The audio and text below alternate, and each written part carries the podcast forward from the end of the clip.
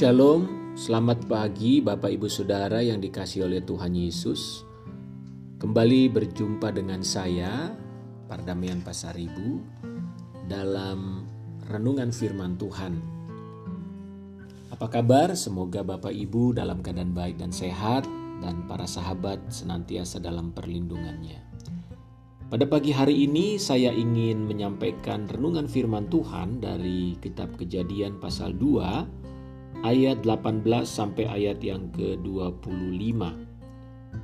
Tuhan Elohim berfirman, "Tidak baik kalau manusia itu seorang diri saja. Aku akan menjadikan penolong baginya yang sepadan dengan dia."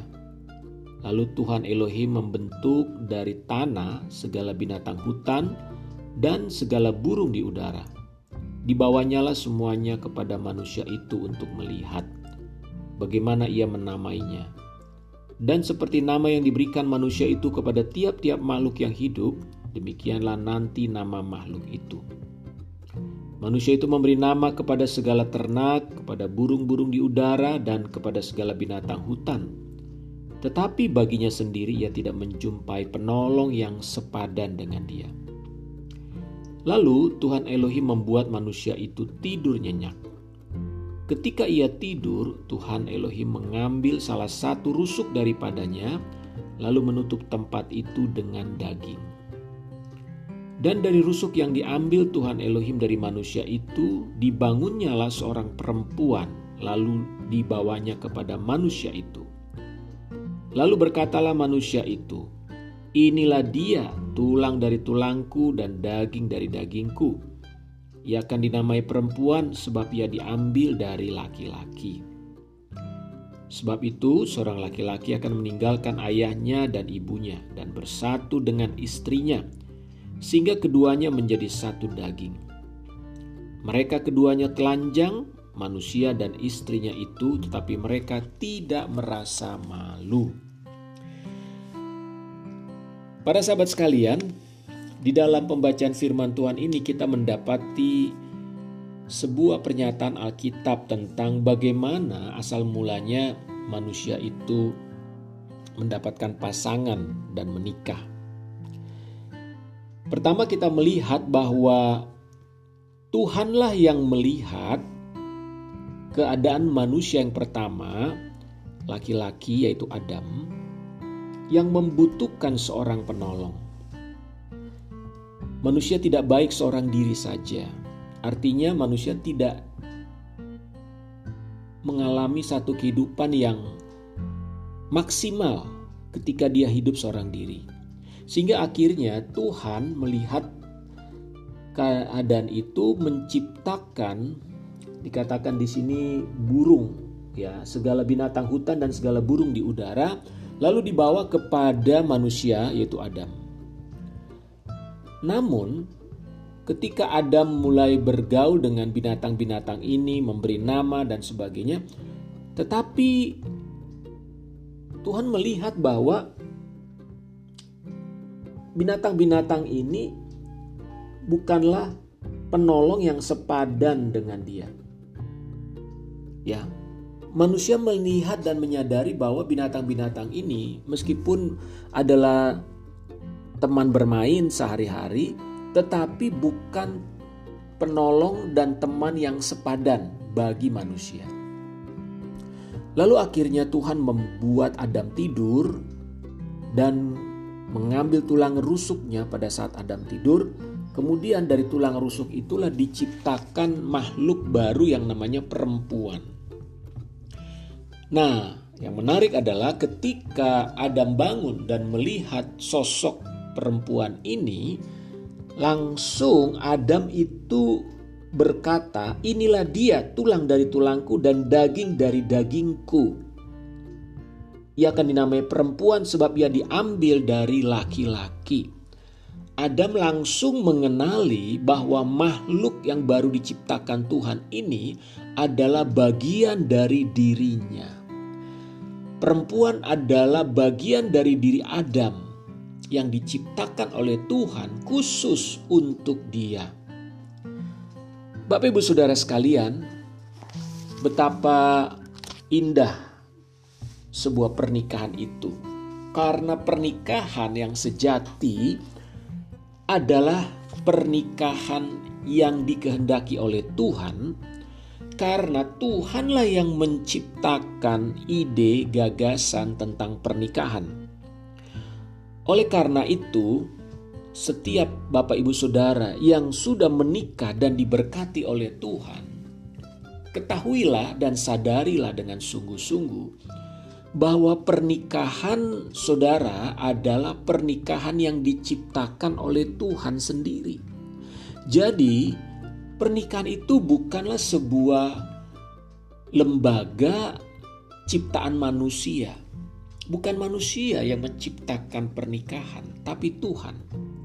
Oleh karena itu, pernikahan adalah hal yang sangat-sangat kudus, sangat-sangat sakral, dan lebih lagi sangat-sangat penting bagi hidup manusia oleh karena pernikahan itu adalah gagasan dan ciptaan Tuhan.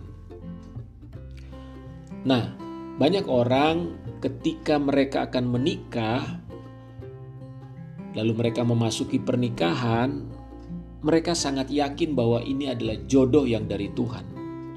Betul, Ketika saudara sudah menikah, maka jodohmu itu adalah dari Tuhan.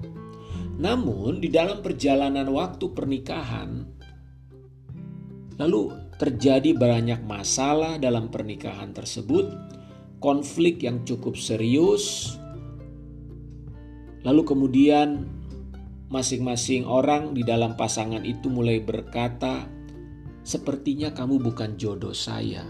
Atau jangan-jangan uh, ini bukan jodoh yang dari Tuhan. Sehingga akhirnya mereka mulai berpikir untuk mencari orang yang lain.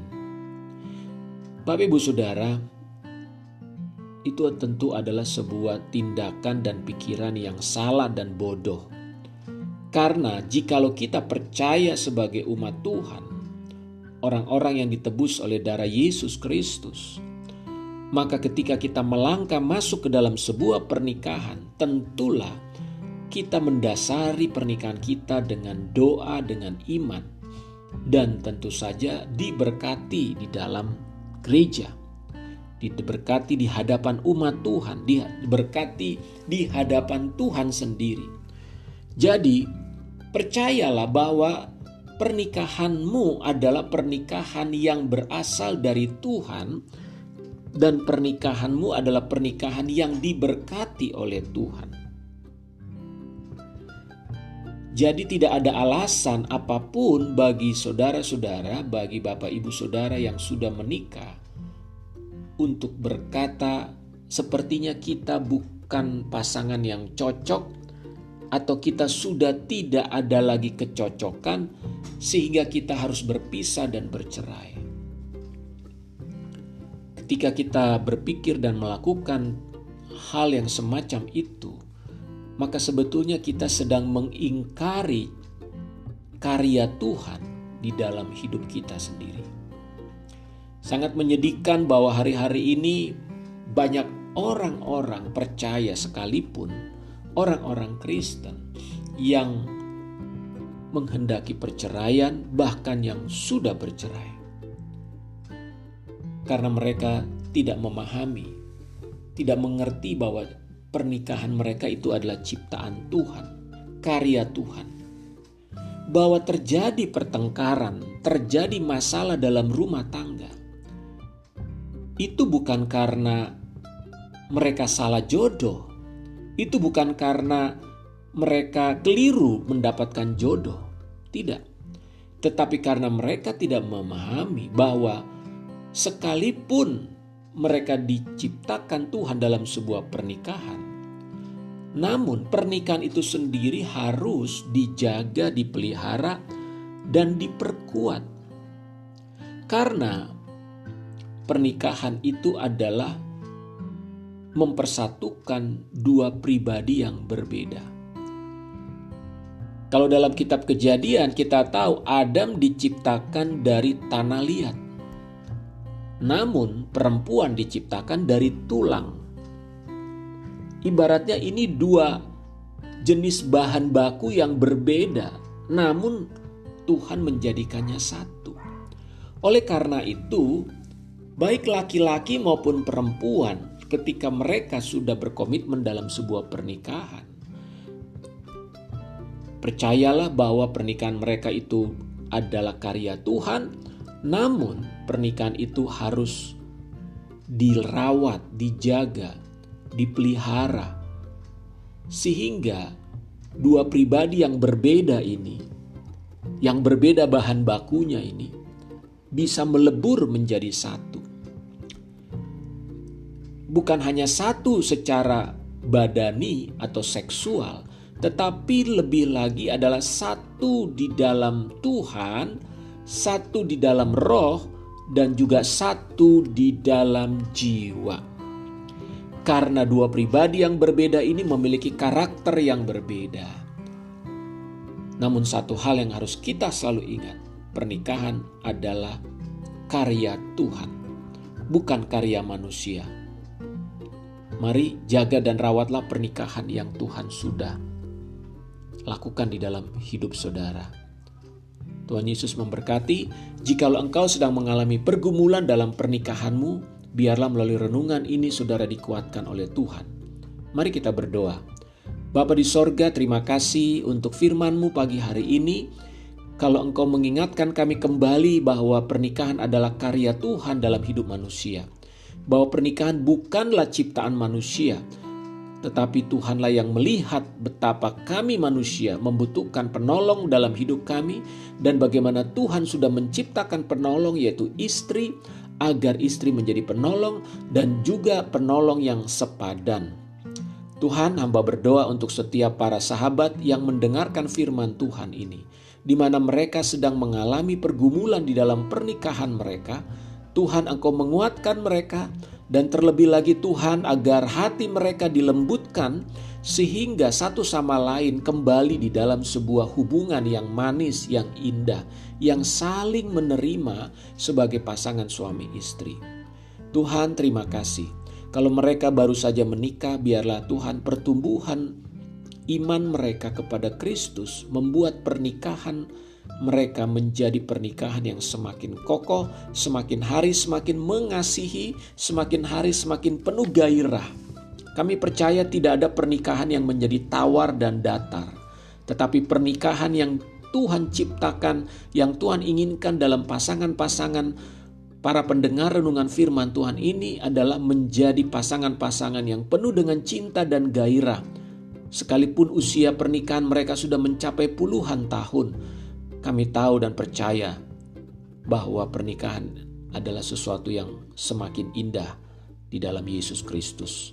Terima kasih Bapa, pulihkan umatmu, berkati umatmu di dalam kehidupan pernikahan mereka. Dalam nama Tuhan Yesus Kristus kami berdoa. Amin. Kiranya Tuhan memberkati Bapak Ibu Saudara sekalian Bagikanlah renungan ini dan menjadi berkat bagi orang lain. Tuhan Yesus memberkati. Shalom.